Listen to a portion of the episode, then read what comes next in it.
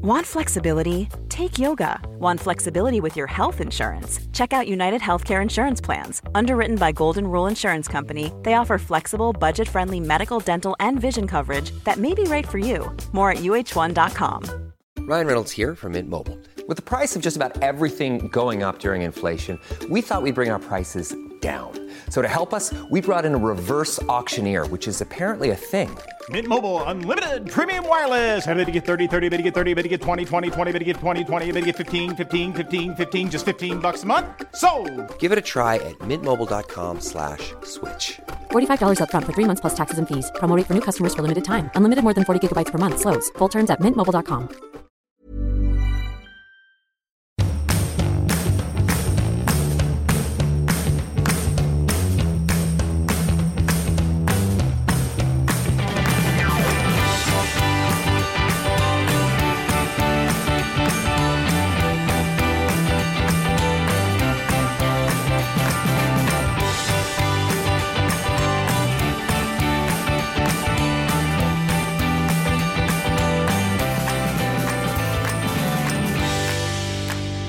Hej, vi missade varandra precis i Stockholm. Ja, snabbt in, snabbt ut. Jag kom in, du drog därifrån. Ja, ungefär. Men hur kändes det då att vara tillbaka på fastelandet? Slutade det gunga i knäna då, eller jag får säga? Nej, men det var lite roligt för jag mötte ju upp lite kompisar på Brillo och tog en sen middag. Ja. Det är så roligt när man inte har varit ute i Stockholm på ett tag. Så är det, så här, det känns som att det är ett helt annat klientel på sommaren. Ja men gud ja, stan är. Det är en kuliss. Ja, men så här, unga killar som tittar runt. ja men också så här när liksom när, sö, när vad heter det, södra och västra Sverige börjar besöka Stockholm, då är ju liksom Stockholm helt avfolkat på stockholmare. Utan då är det ju alla ute på skärgårdsöarna. Så det är liksom, det är som att vara på Norsen Chau, fast det är som att inte vara på Norsen Chau. Ja, men verkligen en verklig känsla. Man säger, jaha, ja, ja. Och sen var jag inne för första gången på två månader. Satt på, där inne för det var lite kyligt, tyckte mina kompisar. På, på då? På Brillo? Ja, så det känns lite så här, gud. Jag sitter i en grotta, jag sitter i en grotta, det kommer snart gasas ihjäl. Det känns väldigt märkligt. Ja, gud, hur kändes det? Ö, öan. Hur är det Ja, liksom men- med livet i ett semesterhus? Ja, men det, det som är, är att det är total frihet. Man går ju bara omkring på den här tomten eller ner till vattnet eller tar en tur till en härlig strand eller... Alltså, det är väldigt mycket öfrihet. Men kommer du ner i varv eller blir du galen? Nej men nu har jag verkligen kommit ner i varv. Nu har ju killarna varit med, med mitt ex i, i Turkiet. Så då vet ju jag att så här, nu har ju de det top notch och de är ju borta. Så, så här, det finns ingenting, ingenting jag behöver fixa och greja med. Och då har jag ju bara sänkt garden totalt. Bara, orkar inte grilla, gör köttfärs och spagetti, käkar smågodis, går omkring i negligé som är alldeles för liten och fläckig och Mattias pyjamasbrallor. Morgon, morgon. Ja, verkligen. Det är synd att jag inte kan röka. Det hade varit riktigt kul. Jag kan ta en bild på mig själv faktiskt. Ja, men gud vad roligt. Ja. Jag orkar inte. Kör lite gammalt smink också. Jag tänkte Svenska Damtiden kommer om en timme. Så orkar jag inte ta bort sminket från TV4 igår. Jag var ju där och pratade om amningshetsen. Ja, just det. Huruvida den finns eller inte. Men då ska Svensk Eh, Damtidning komma hem till dig nu? Ja, om en timme. Varför då? Nej, de, de, är, de träffar mig ungefär en gång per år. Jaha. Tantarna vill veta vad Söderlundskan har för sig. Ja, men det är bra det. Fan vad härligt. Ja, de har alltid brytt sig mycket om mig. De var så oroliga över skilsmässan, hur jag ska klara alla barnen och hit och dit. Så att, eh, nej, de kommer ungefär en gång per år och Fast gör någon... jag är så dubbel till det där. För det, jag läste faktiskt med en intervju med Macaulay Culkin, ni vet eh, Mm. ensam hemma-pojken som eh, det inte gick så bra för längre fram i livet. Han knarkat ihjäl sig. Nej, nej, alltså han, han, han sa det ganska bra tycker jag. Han, han berättade då att tidningen hade påstått att han hade köpt heroin för 48 000 kronor i veckan. Eh, men han var så här att de låtsades bry sig om mig, men själva syftet var egentligen bara att sälja lösnummer. Och det tyckte jag var lite spännande med tanke på när man tror att pressen bryr sig. Ja. Bryr de sig om dig eller vill de sälja lösnummer? Är det så att Ann Söderlunds reportage går väldigt bra? Ungefär som Laila Bagges rumpa på Aftonbladets klick. Min rumpa kanske inte skulle generera några lösningar just nu, men kanske mina bröst i och för sig. Blåådriga och Danna. Hur är det man? Hur är det man? Hur är det? Nej, men jag tänkte på det när jag lyssnade lite på Kikki Danielssons sommarprat. Åh gud, jag har inte lyssnat på det än. Jag är så pepp. Ja, men det, det är faktiskt... Eh, ja, men det är faktiskt intressant att lyssna på henne. För ena sidan är hon ju superbitter och liksom eh, ägnar sig åt plattityder och patetism och liksom saker som man redan har hört. Å andra sidan så är hon ju bara som en enda lång löpsedel och liksom är så vet, jag varm. älskar henne på Twitter. Alltså hon är min favorittwittrare i alla kategorier. Nej, men man har ju några sådana vänner som är lite Kikki Danielsson-ish. Att de är lite bittra och tycker lite synd om sig själva men de gör det liksom med glimten i ögat och de är smarta och klipska och liksom varma. Så att den där bitterheten som man ibland spyr på övervägs alltid av humorn, värmen och liksom på något sätt den kranka självinsikten. Och så är det lite med Kikki också. Men Hon jag älskar här- ju Kikki Danielsson på Twitter. Hon på Twitter och Sven Melanders vänta. små filmer på, You- eh, på Facebook. Det är ju mina absoluta favoriter. De är Aha. fruktansvärt både smarta och roliga. På ett sätt som Aha. också är helt oväntat för deras persona. Förstår du? Ja, jag fattar, jag. Mediebilden stämmer inte överens med det de sänder ut. Det tycker jag alltid är spännande. Jo, men alltså det är ju lite så här... Kikki Danielsson är ju Bert Karlsson fast utan eh, reell framgång. Alltså förstår du vad jag menar? Ja, Kikki Danielsson gjorde ju det här, vad hette det där som gick på TV4 som var ganska roligt? Lyckliga Gatan. just det. Och hon är ju sjukt begåvad och rolig och härlig och varm. Det är bara att liksom... Hon är inte så stark eh, pansar så livet har tagit henne till liksom lite törnar och vissa klarar ju törnar bättre än andra. Som hon sa i programmet också. Eh, jag vill tacka alla de tre männen som jag liksom varit förlovad och gifta med. Eh, men det var synd att det tog slut. Alltså förstår du vad jag menar? Ja. Och sen att hon blev mobbad under hela uppväxten och ja. Det, det är mycket sådär. Men en grej undrar jag med sommarpratarna anno 2016. Hur kan de fortfarande nu med liksom allt det som finns, så här, sociala medier, nya historier, hur man berättar, liksom, ny berättarteknik. Alla använder sig av formulär 1A. Man börjar när man föddes på Eksjö lasarett, det var en fattig bla bla bla. Och sen slutar man med så här, nu ska jag gå ut, alla avslutar med typ den här repliken. Nu ska jag gå ut i sommarsolen och bara leva mitt liv. Men det måste ju vara någon typ av så här eh, P1-stencil, höll jag på att säga. Ja, ja, okej, ja. Men alltså så här, du ska börja på det här sättet och så här ska man avsluta för att skapa någon typ av känsla hos lyssnaren. Alltså vad som... Det som sker från och med nu, låten Hoppet fara. Alltså vad som händer nu. Nu är ni med och skriver min historia. Jag bjuder in er till dans och nu dansar vi tillsammans. Liksom. Jo, men det som är lite tråkigt tycker jag, om man är riktigt vass och också så lite så här samtidsanalytisk, som till exempel Stacka Johan Renkbos eh, sommarprat var. Herregud, jag har lyssnat igenom allihopa. Jag känner, ligger Nej, så men efter. älskling, jag lyssnar på typ en minut här för att jag ska kunna säga det. Skönt att du erkänner. Ja, ja, jag känner direkt. Men, eh, och sen läser jag de här recensionerna, så då, verk, då kan jag Ja, verkligen då prata kan du, kan du, ja, det är så lite Alex Schulman-jobbar också.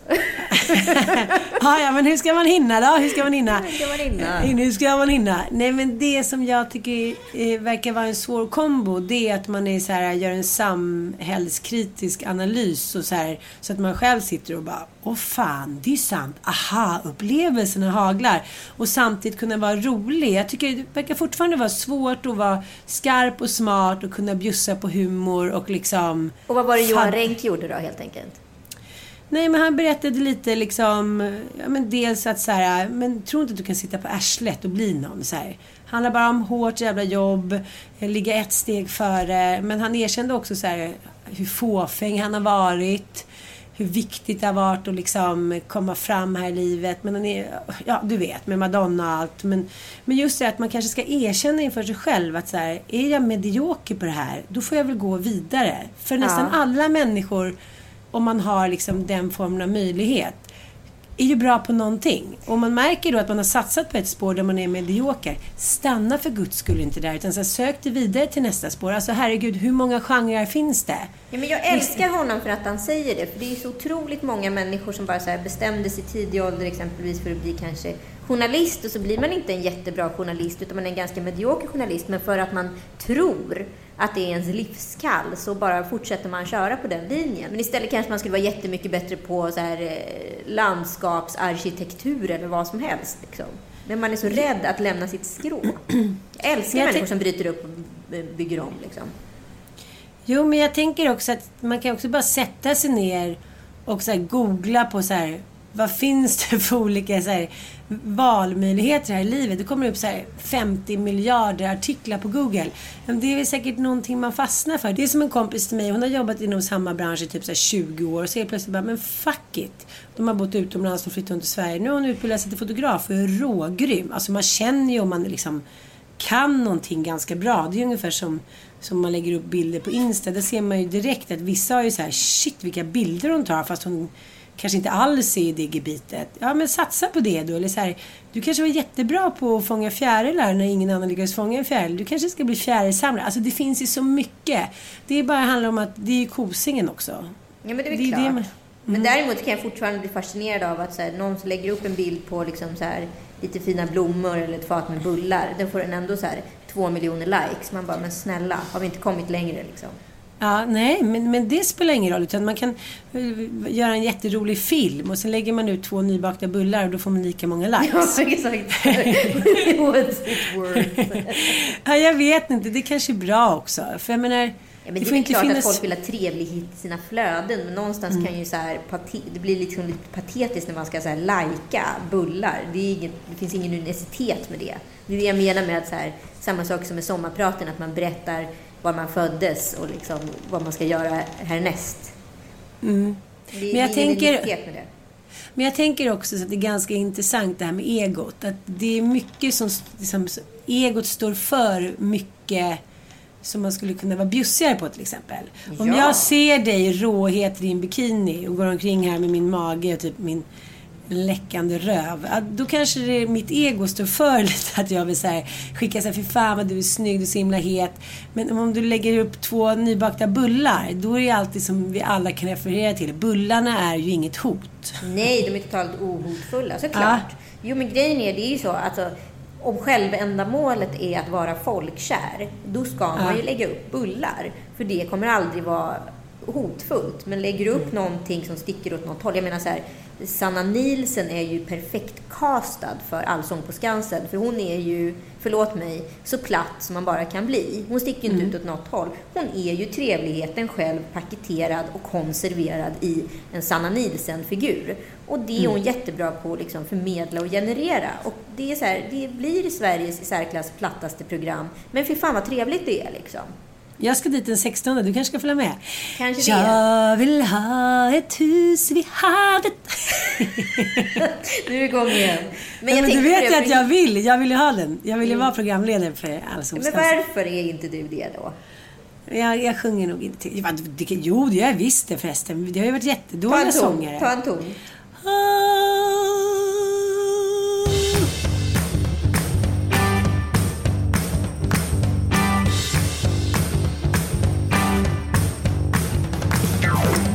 Du vem som likade en bild på Penny igår? Nej. Annika Herlitz, du vet hon som gör rösten till Elsa i Frost. Jag höll fan på att få tuppjuck. Är det sant? Ja, cool. Jag kan tyvärr inte prata om det eftersom jag gjorde det där testet till Soropa och inte fick rollen. Så att säga. Nej, jag kan så, inte du är Soropa, du menar inte Sotropolis? Jo. Eller var det liksom den där spanska Ja, ja, det är B-varianten? Precis, det var porrfilmsvarianten. Soropa.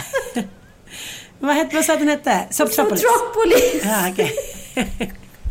ja, ja, det är inte så noga. Ja, jag orkar Ja, ja. inte. Jag orkar inte.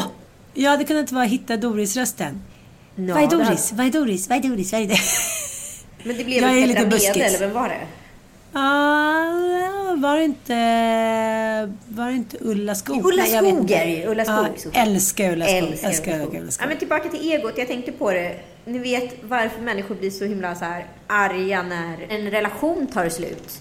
Det är ju det är egot som blir sårat. Det är ju helt plötsligt är det någonting som du vill ha som inte längre vill ha dig. När dina egna val inte längre är liksom i fokus. Vad fan? Vad händer då liksom? Det är väl klart att det är egot som tar stryk. Ja, och då vill man gärna säga, men det är ungefär som man eh, blir avskedad från ett jobb. Man Exakt. pratar kanske med sin chef och man förstår vartåt det barkar. Då Mm. skyndar man sig ju alla liksom politiker och eh, Mona Sahlin-ish att så snabbt säga upp sig.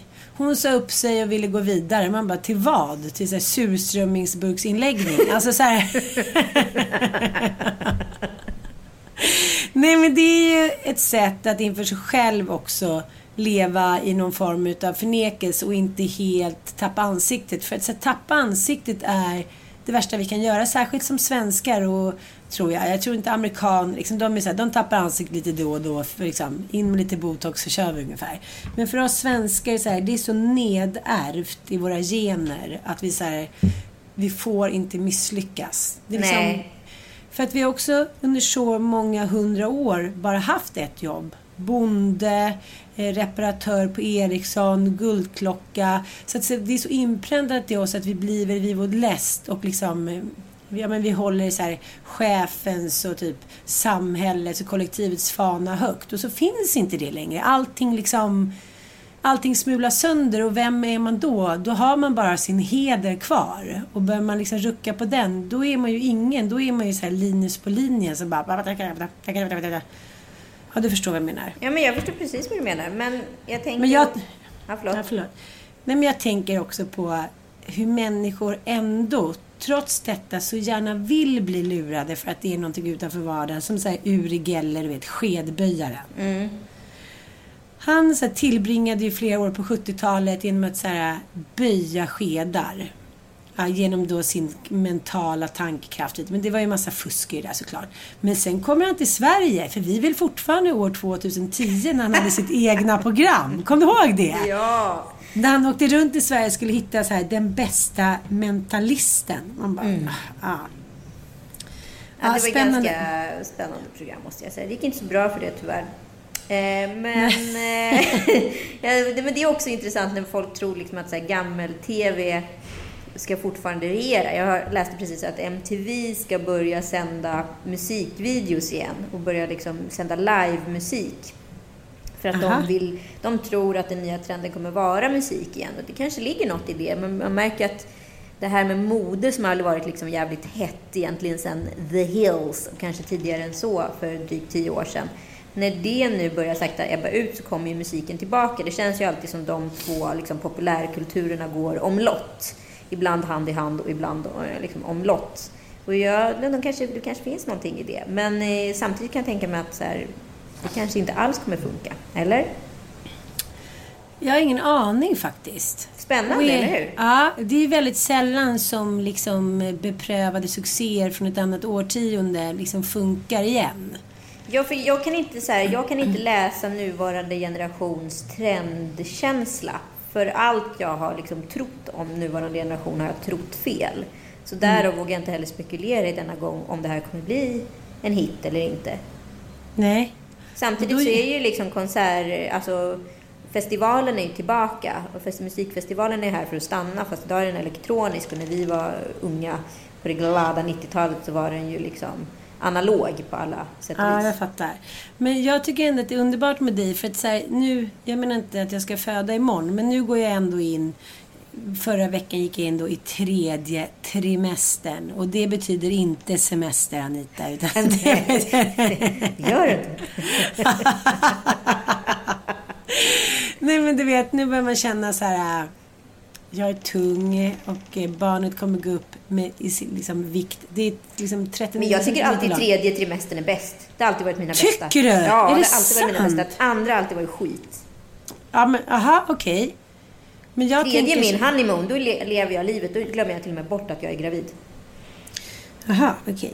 Men du tycker inte att det blir tungt tredje? Nej, men helt plötsligt tycker jag att så här, det är först då så här, kroppen har börjat linjera egentligen med mer liksom, då har man ju tränat egentligen i två trimestrar eh, på och fått upp en styrka. Och helt plötsligt så har du styrkan för att bära det här barnet och det tycker jag är så uppenbart i tredje. Ja, men det kan vi ju säga till alla som inte är gravida eller tänker bli gravida inom de närmaste 22 åren. Att en trimester är då...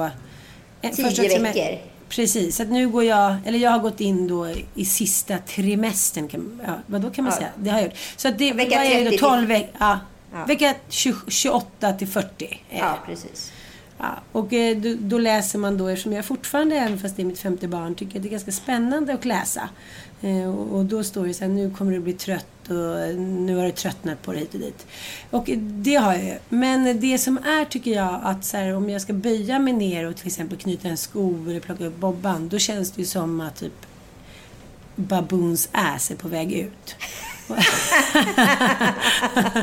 och det beklagade jag mig för inför Sanna eh, Lundell. Då när vi var hemma och käkade middag. Hon var så här, det där känner inte jag igen alls liksom. Nej, jag bara, nähä. Nej men det är bara för att jag har ridit i så många år. Då förstår jag att, att piken var att liksom jag är så uttöjd att mitt barn är på väg ut då. Det är jag lite skillnad på att få två barn och få fem barn också. Är Ja, det och hon är så tight då för att hon rider. Men, men då kom jag ihåg att när jag blev gravid första gången.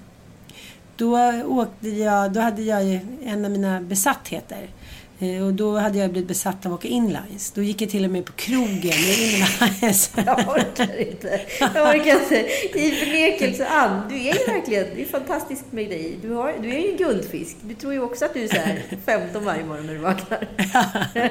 Men då gick jag till och med på krogen i inlines. Men jag kommer ihåg en väldigt blöt kväll på Ljunggrens. Kommer du ihåg det stället? Ja, gud ja. Ja. Det, det finns kvar. Jo, jag vet. Men då var det ju verkligen så här vattenhålet nummer ett. Man satt där ute, där uppe. Men då, äh, ja, då hade jag så här satt mig för att vila lite. Med i- dina inlines. I en garderob med inlinesen på. Så det var en kille som kom fram. Tror faktiskt till och med att det var pappa Di. Eh, som var så här, eh, ursäkta, vem är du? Typ. Alltså, han såg, man såg ju bara två inlines och någon som satt och snarkade lite. Ja, så var det på den tiden. Men då gick jag i alla fall och skulle man ju gå till gyn och de skulle undersöka en och hon bara, men gud. Men vadå, vad det hände ingenting med den här pappadi-historien utan det var bara att du skulle sitta och vila lite på Ljunggren. Så var det det som var liksom kontentan utav den? Men sist jag sa någonting om pappa Di, då blev jag mordhotad. Så det, kanske, det kanske är därför jag eh, håller lite tyst. Du, men Varför droppar du den? För att jag kom på nu att jag fick en så här förnimmelse tillbakablick. Jag satt i den där garderoben och han tittade in. Han hade väl spelat platta eller någonting. Och sen låg vi med varandra i garderoben. Nej, det gjorde vi inte. jag orkar inte.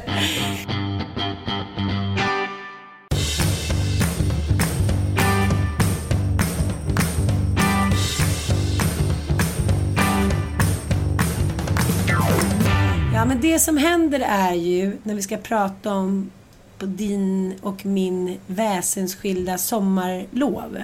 Så är det så här, den kreativa kidnappningen som har skett av min liksom, sommar är att jag har ändå varit här. Jag är inte instängd. Det är ingen så här fritzelstämning eller någon har tvingat mig hit. Men jag har ändå varit ungefär i samma miljö. Jag har inte ens tagit mig till södra delen av Gotland. Så bryggan är att det känns som att du åker inlines.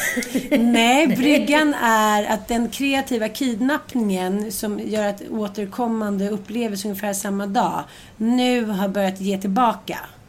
Nu så här har liksom den här bron, gångbron från liksom trötthet till kreativitet. Nu har den börjat forsa och det är därför jag nu är lite extra rolig idag. Det är därför jag är på gång. Jag tycker det är härligt med dig. Det är härligt med det mesta. Jag är tillbaka till ra. Alltså jag är lite som en sån här frustande hingst. Jag fattar. Ja, med, eller ko. Fr- Fruktande ko. Förstår du? Så den mentala kreativa kidnappningen har nu istället för att så här, motvalls gå tillbaka in i mig och säga gud vad tråkigt att sitta här på torpet och så där", skapar en kreativ flod. Ja, och det pratade jag faktiskt med Triumf om. Kristoffer Triumf, superpoddaren som också är min vän. Att eh, han eh, pratade lite med mig, för jag skickade en dikt till honom och då sa han Gud, den där påminner mig om Ako Malmborg. Vet du vem det är? Ingen aning. Ja, nej, men det är en eh, konstnärinna och sångerska. Och hon är så jävla rolig för hon utsätter sig för kreativa knipor som hon kallar det. Men eh, när hon tycker att hon liksom så här, men nu fattas det lite stålar eller nu vill jag göra till exempel en skiva med hänga stålar. Då utsätter hon sig eh, för kreativa knipor för att lösa det. Mm. Och vad betyder Som- det då?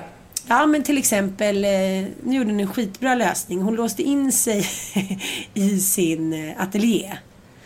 Och sen så en gång om dagen fick hon en kändis, eller ja, hennes vänner då, bland annat Lotta Lundgren, och komma och mata henne. Och sen fick man liksom beställa ett verk varje dag. Vem som helst fick göra det. Man fick liksom mejla henne eller smsa henne och säga så här. Hej min kompis Anita Schulman fyller år imorgon. Jag skulle vilja att du eh, gjorde en liten rolig tavla till henne som var rosa och blå och så skrev du lite om hennes, en liten text. Och så gjorde hon liksom en kreativ grej varje dag som dels utmanade henne. Dels så kom det någon rolig på kvällen och gav henne mat, lite som att hon vore typ en installation. Och dels fick hon in stålar till sitt drömprojekt som då var skivan som kommer ut nu. Ja, men det låter ju fantastiskt. Ja, men förstår du? Det är det jag menar. Du och jag ska utsätta oss för mer kreativa knipor. Nu har vi en liten kreativ knipa att jag ska föda och en månad senare ska vi stå på sten i en scenshow. Och du ska också dansa massor. Ja, så här, jättebindan, södlen. Jag bara ho, ho, ho. Men, men så då har vi lite en kreativ knipa och det gillar jag. Men ska vi göra ett... Nu ska jag sätta mig i en kreativ knipa den närmsta månaden. Ja, tillsammans med dig Åh, ska jag nu... Jo, men du behöver inte liksom delta. Men jag ska leva ett Prussiluskan-liv. Men har inte ska- du haft sådana här projekt tidigare? Nej! Nej, älskling. Luskenliv har ju du. Ja, okej, säg då. Nja, jag vet inte.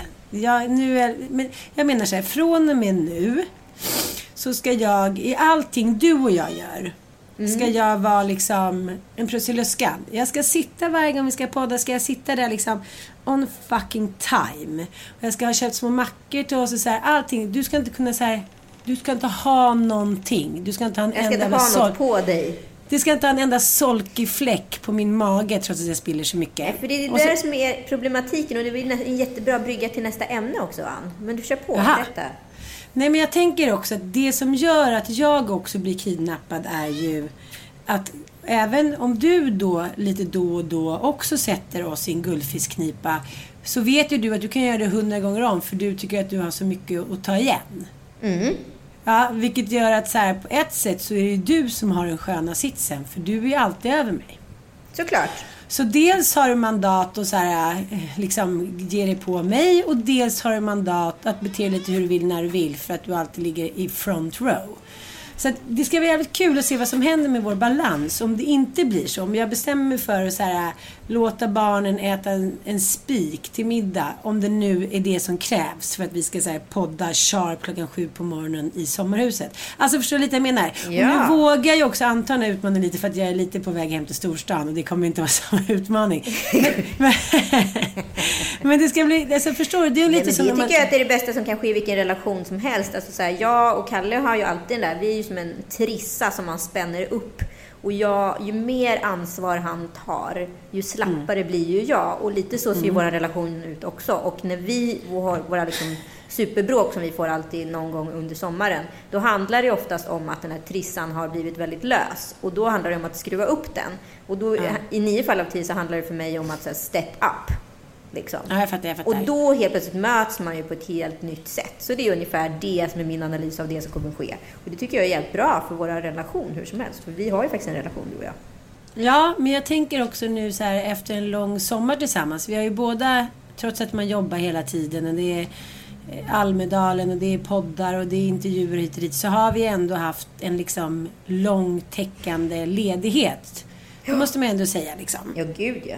Och eh, det som händer då är att man är ju väldigt mycket med en person.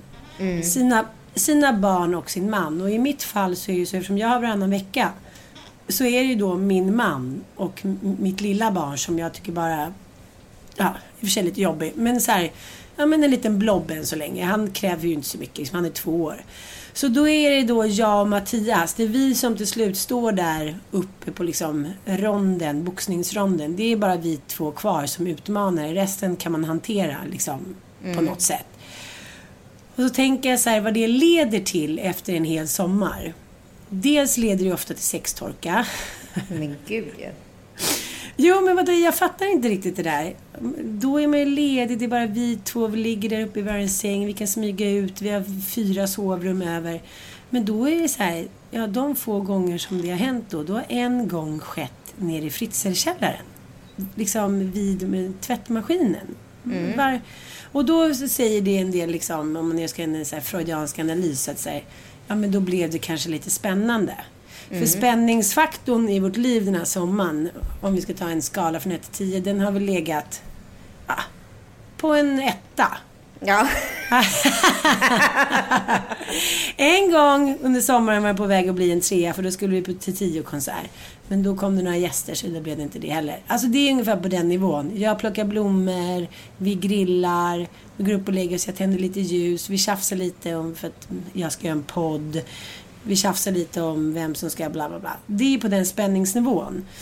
Och jag vet inte riktigt och ändå känner jag mig liksom jävligt kär och trygg och liksom tittar på honom med förälskad blick. Liksom.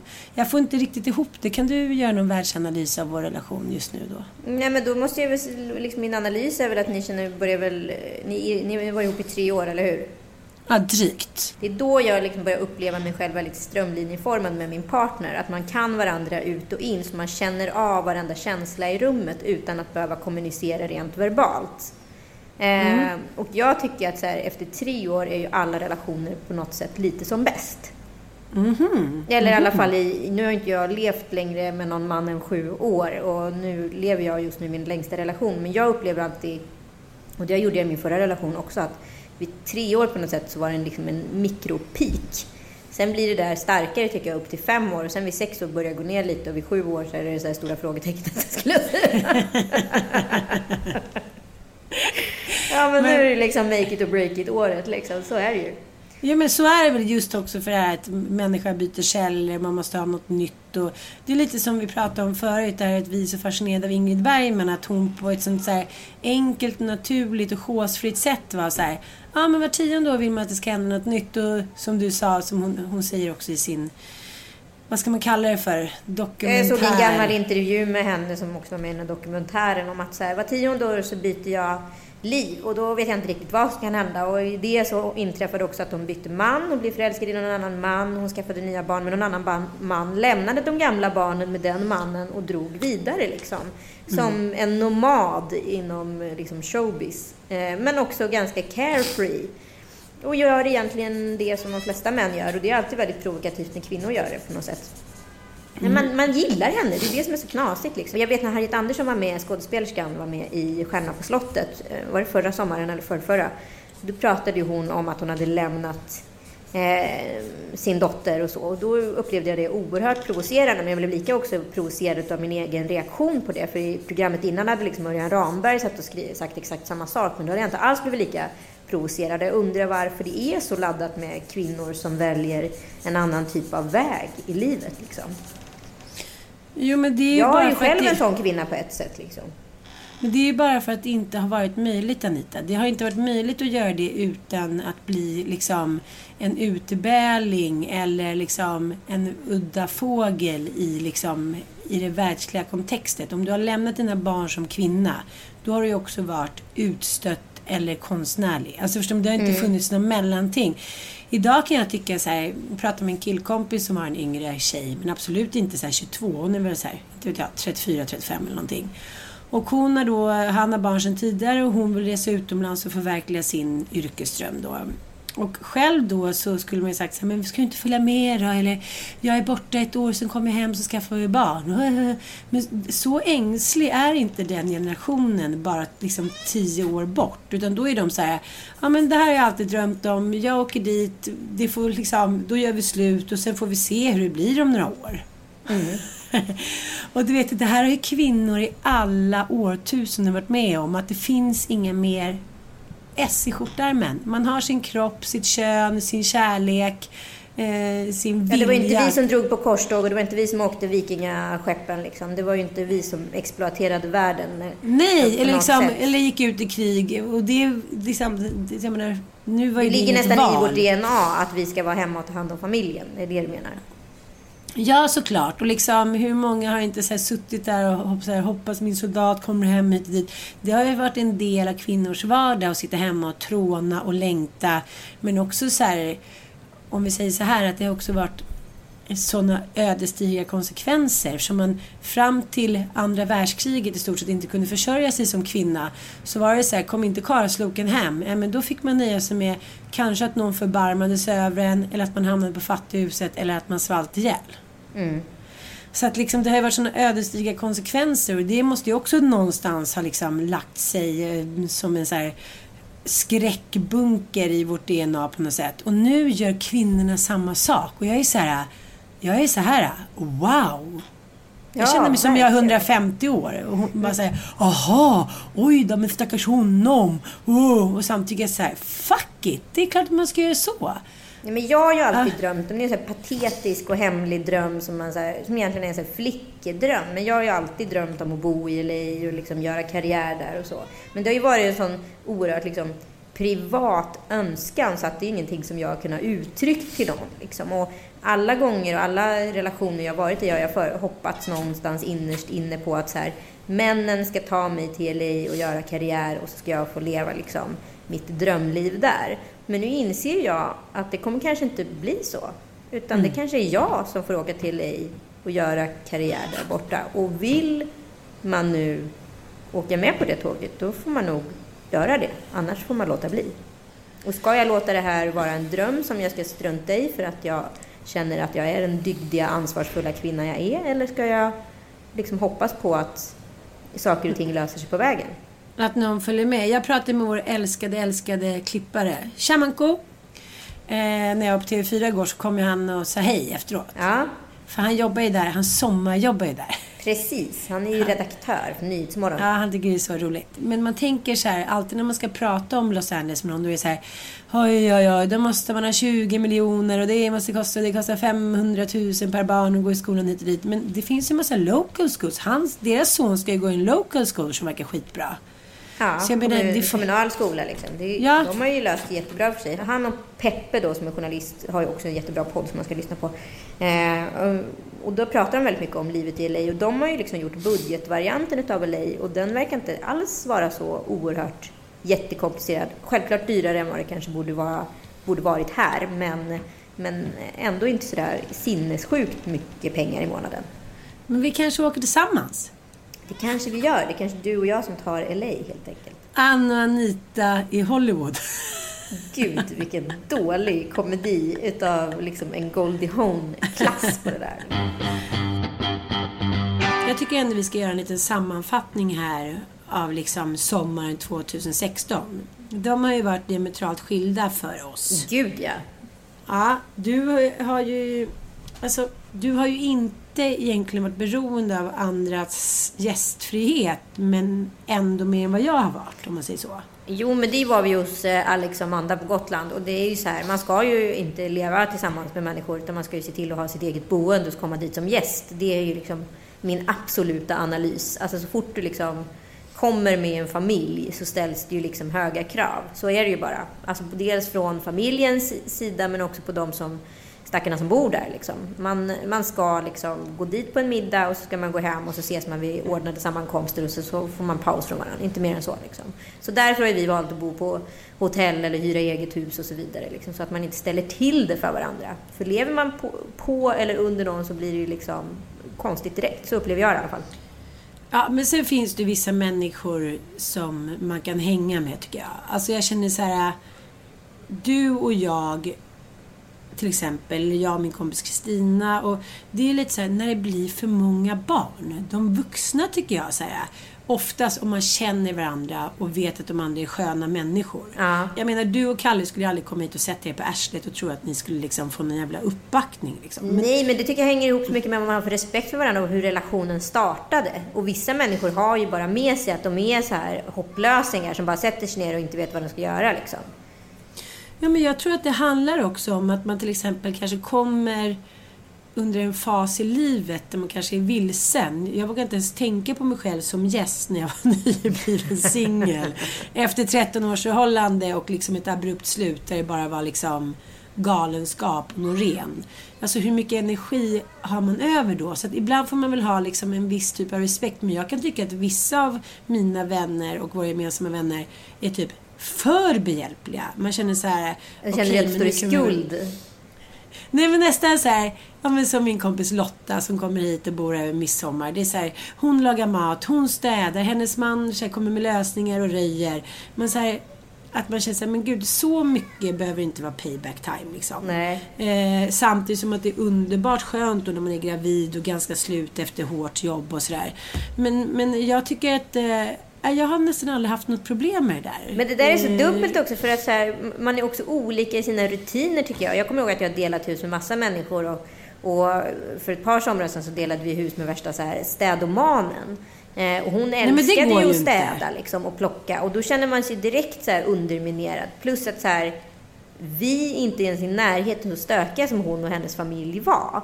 Eh, Nej, och då blev ju ändå någon typ av irritation mellan henne och mig i slutet där för att för att hon tyckte då att jag inte gjorde någonting under tiden. Jag hann ju inte göra någonting för då hade hon redan plockat undan det. Så du förstår ju det här jag menar med att så här, eh, drängens dräng på något sätt. Att man, man, så här, man får inte skapa sig själv till en drängposition för då kommer man tycka att man, man blir utnyttjad i slutändan. Och så där är det med alla relationer. Det är ju, alltså, förtroende är ju den svåraste valutan att tolka på något sätt. Jo, men jag tycker också att det är så himla svårt. För att eh, det är som du säger, man har ju olika skills över hur det ska vara. Mm. Ibland kan man ju vara med, med liksom vissa gäng och familjer där man är så här, det är bara liksom organiskt löser sig. Man vet nu har det blivit en ganska blöt kväll, vi tar det här imorgon. Mm. Men alltså andra är så här, ja men gud, jag kommer ihåg några semester när vi var med min förra svägerska. Hon ville ha superordning och reda. Och vi var så här, ah, ja men det kan vi väl göra sen. Alltså det gick ju inte. Det blev ju bara så här, nej nu måste vi städa. För att hon liksom mådde dåligt av det. Ja men då handlar det om att personen i sig så här mår ju, alltså jag är ju också lite OCD och jag går gärna och plockar och fixar. Men det får ju inte jag liksom påtvinga någon annan. Det, måste ju, det ligger ju hos mig. Alltså det ligger i min ordning. Den får inte jag bli arg på dig ifall inte du håller. För det här är bara någonting som finns in i mitt huvud. Och kan inte jag liksom hantera det, då får jag helt enkelt välja bort att bli irriterad. Då får jag ju köpa jo, det. Men det är ju skitsvårt för de flesta kommer ju då som gäster och vill ha så som de har när de har hyrt ett sommarställe eller är på ett hotellrum eller liknande. Det är ju därför det handlar om att säga nu måste vi ta liksom bladet från munnen.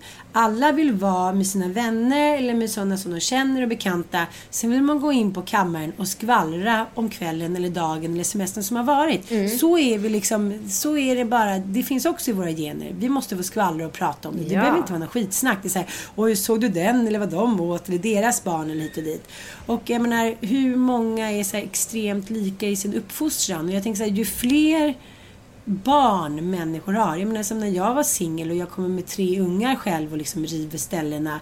Det säger sig självt att även om jag, mamman och pappan är de bästa vänner så måste vi ha samma inställning till semester eller till vardag för annars så blir det clinch direkt och det tar för fan två timmar till det blir dålig stämning. Men det som är det bästa är ju också att man lär sig. Jag har ju några grannar här som har köpt sitt hus första sommaren. Och de har ju haft tre dagar på hela sommaren utan gäster. Nu har ju de ett fristående hus som är tvättmaskin, diskmaskin, eget kök, bla bla bla. Men bara det att hela tiden få veta att det är någon i ens innersta krets. Det är ju påfrestande både psykiskt och fysiskt. Det går inte att komma ifrån. Det är det jag menar med så här, alltså för mig har det varit liksom en optimal sommar. Vi har besökt människor som har hus på olika platser, men vi har själva bott på hotell. När vi inte har bott på hotell så har vi hyrt ett eget hus som vi själva liksom roddar över. Vi behöver inte anpassa vår, vår städrytm eller vår matrytm eller vår liksom tidsrytm på något sätt åt någon människa. Utan vår familj liksom har hängt ihop och vi följer våra mönster. För mig är det liksom ett optimalt sätt att semestra. Jag måste säga att så här, utav alla semestrar so far så är jag mest tillfreds den här sommaren med liksom, dels variationen utav liksom, miljöombyten men också på sättet vi har lagt upp det på. Det känns som efter så här, sju år, då satt det liksom. Mm, mm. Nej men jag tänker så här, nu har ju Mattias bästisar varit här och då har de haft eget hus. De har varit här i åtta dagar och sen har det varit medelhavsvärme så det har ju varit liksom, ja men du vet, helt fantastiskt att bara ligga på stranden och fortsätta ligga på stranden och käka middag på stranden sen på någon liten restaurang hit och dit. Men då har ju de liksom kommit hit med mat och dryck och så här, du är gravid, ta det lugnt. Så att det nästan blir så här, men gud, jaha. Så nu börjar du bli hospitaliserad i ditt eget hem helt enkelt? och därmed avslutar vi den här podden. Jag blir gärna hospitaliserad i mitt eget hem. Vi har valt olika sätt att semestra på. Du är på en och samma plats och har folk där. Jag är den som besöker. Wherever I lay my head, that's my home. Ja, men det är väl lite så. Där jag lägger min hatt, där är mitt hem. Men det är också viktigt för mig att ha ett hem. Jag är dubbel. Jag är en guldfisk. Vad ska jag säga? Ja, det är exakt det du är. Ja. Men jag älskar dig ändå. Ja, jag älskar dig. Puss, puss. Puss, puss.